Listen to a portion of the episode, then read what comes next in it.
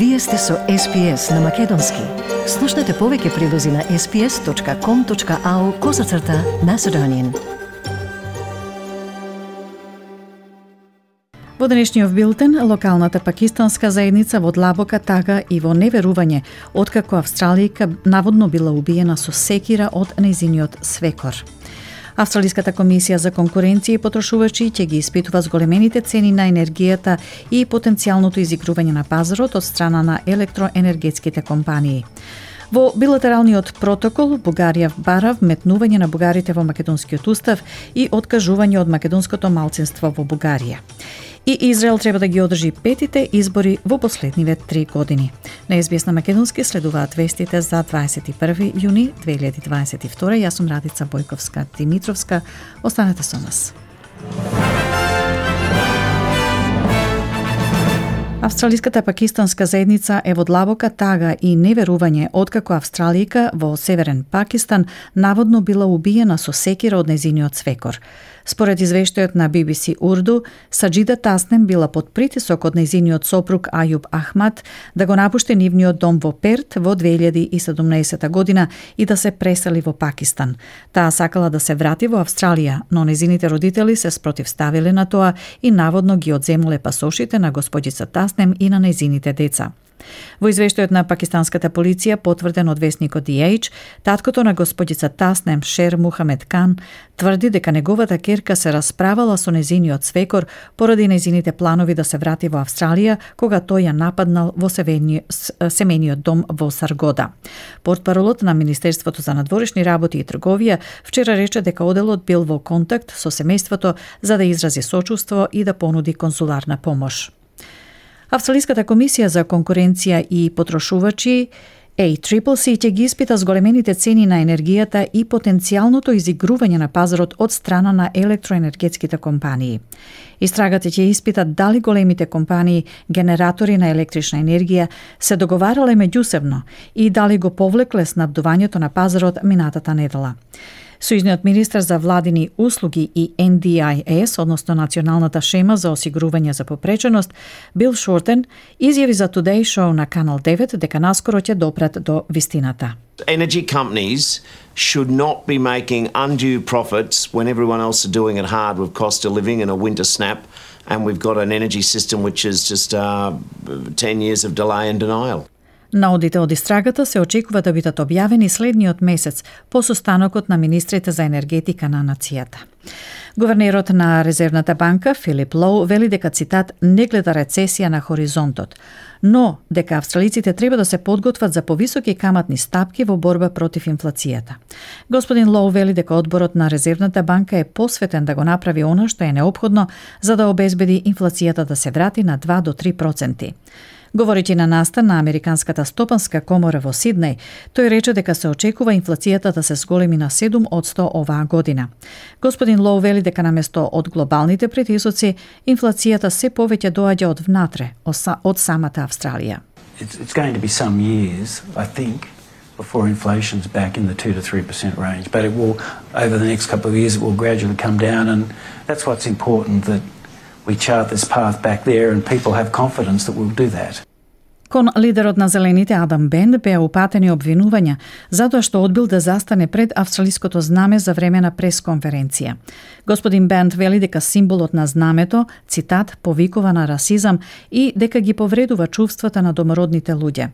Сојузниот министер за владени услуги на и NDIS, Бил Шортен, изјави за Today Show на Канал 9 дека сите се согласуваат дека првите народи треба да добијат еднаков третман и да бидат вклучени во, како што рече, националниот извод на родени на оваа земја. Everyone agrees that First Nations people should get an equal deal in this country and we want to change the constitution and include them in our nation's birth certificate. But antics like this, this virtue signaling saying I love First Nations people more than any anyone else, I mean he's like the crunchy papa of Australian politics.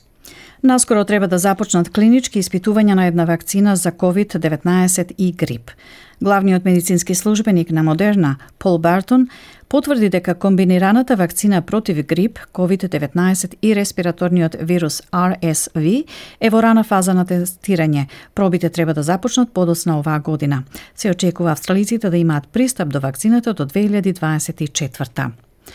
Бугарската новинска агенција БГНЕС вчера го објави билатералниот протокол што наводно Бугарското министерство за надворешни работи го испратило до тамошната собраниска комисија за надворешна политика за да биде разгледан во пакет со францускиот предлог.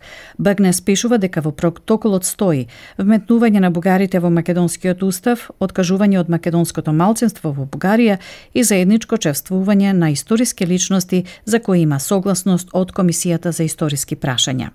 Бугарија има и дополнителни барања во врска со говорот на омраза, отворање на архивите на тајните служби и рехабилитација на жртвите од комунизмот. Во документот се предвидува и личностите за кои има некаков компромис во заедничката комисија да бидат објавени и прифатени за заеднички прослави. Од нив конкретно е спомнат само цар Самуил, а се предвидува промена на надписите на неговите споменици, како и на тврдината во Охрид според текстот договорен во историската комисија. Македонската влада уште нема официјален коментар на францускиот предлог за македонско-бугарскиот спор со образложение дека се чека усогласување во сите членки на Европската Унија. Единственото што постојано го повторува македонската влада е македонскиот јазик мора да биде чист македонски јазик во преговарачката рамка. Став на владата е исто така дека билатералните прашања треба да се решаваат на билатерално ниво, изјави вчера премиерот Димитар Ковачевски во одговор на новинарско прашање дали Македонија го има сменето ставот дека нема да прифати билатералните прашања да влезат во преговарачката рамка. Преговарачката рамка треба да биде мултилатерален документ во кој што се разговара и во кој што се во кој што се става рамка за преговарање во однос на пристапување кон Европската Унија како организација на држави, членки, а додека билатералните прашања треба да се решаваат на билатерално ниво со државите со кои што се со кои што тие постојат. Лидерот на опозицијската ВМРО ДПМН Христијан Мицковски во интервју за ТВ24 рече дека Македонија веднаш треба да го отфрли предлогот и дека Франција не би го ставила предлогот на маса ако преку комуникацијски канали не бил претходно прифатен од Скопје и Софија. А поранешниот вице-премиер за евроинтеграција и поранешен шеф на македонската дипломатија Никола Димитров во изјава за медиумите пред панел дискусијата организирана од Институтот за демократија и Институтот за европска политика по повод презентација на документот Бугарското вето на македонските интеграции, какво јаболко може да загризе Македонија, рече дека со францускиот предлог се оди под црвените линии на Македонија и се внесуваат билатерални прашања во преговарачката рамка.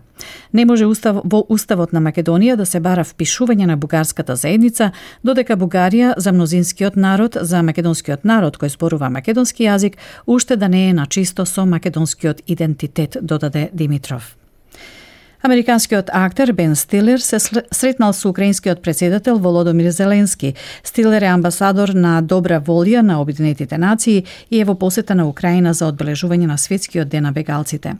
Обединетите нации проценуваат дека над 30 мили... 13 милиони луѓе биле принудени да ги напуштат своите домови од руската инвазија на Украина, што започна на 24 февруари. Господин Стилер рече дека Зеленски е негов херој и дека состанокот е цитат голема чест.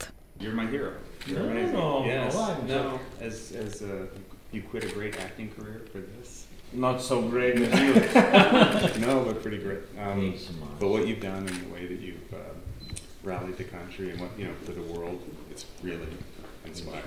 So. it's too much for me. Chief of office. Yeah. Hello. Nice. Nice to meet you. Nice to meet you. Израел треба да ги одржи петите избори во последниве три години. Новиот круг на избори најверојатно ќе биде закажан за октомври, кога поранешниот премиер Бенјамин Нетанјаху ќе се обиде да се врати на функцијата. Израелските пратеници следната недела ќе гласаат за ставање крај на владеачката коалиција на актуелниот премиер Нафтали Бенет и за распуштање на парламентот. Бенет ќе се повлече за да биде заменет од заменет од министерот за надворешни работи Јаир Лапид, неговиот партнер во коалицијата со неверојатни спротивности – што стави крај на премиерската функција на Нетанјаху пред 12 месеци. Нетанјаху вели дека пресвртот за ослободување од како што ја нарече најлошата влада во израелската историја досега е позитивна промена за неговата земја. I must tell you that this evening people are smiling, even on the way over here. People are simply smiling because they feel that despite this consciousness modification, which we also heard tonight, they understand that something great happened here. We are getting rid of the worst government in Israel's history.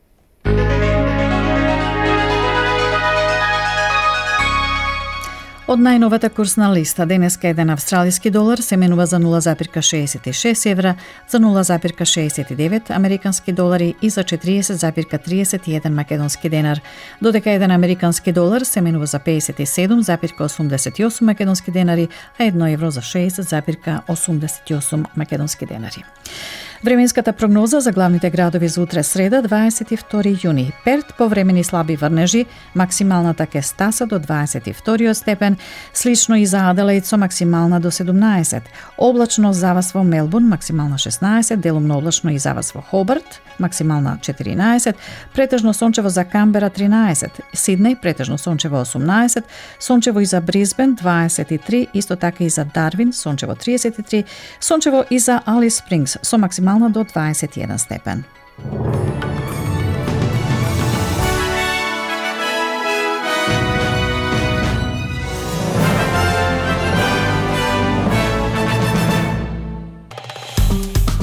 Стиснете, ми се допаѓа, споделете, коментирајте. Следете ја SPS на Македонски на Facebook.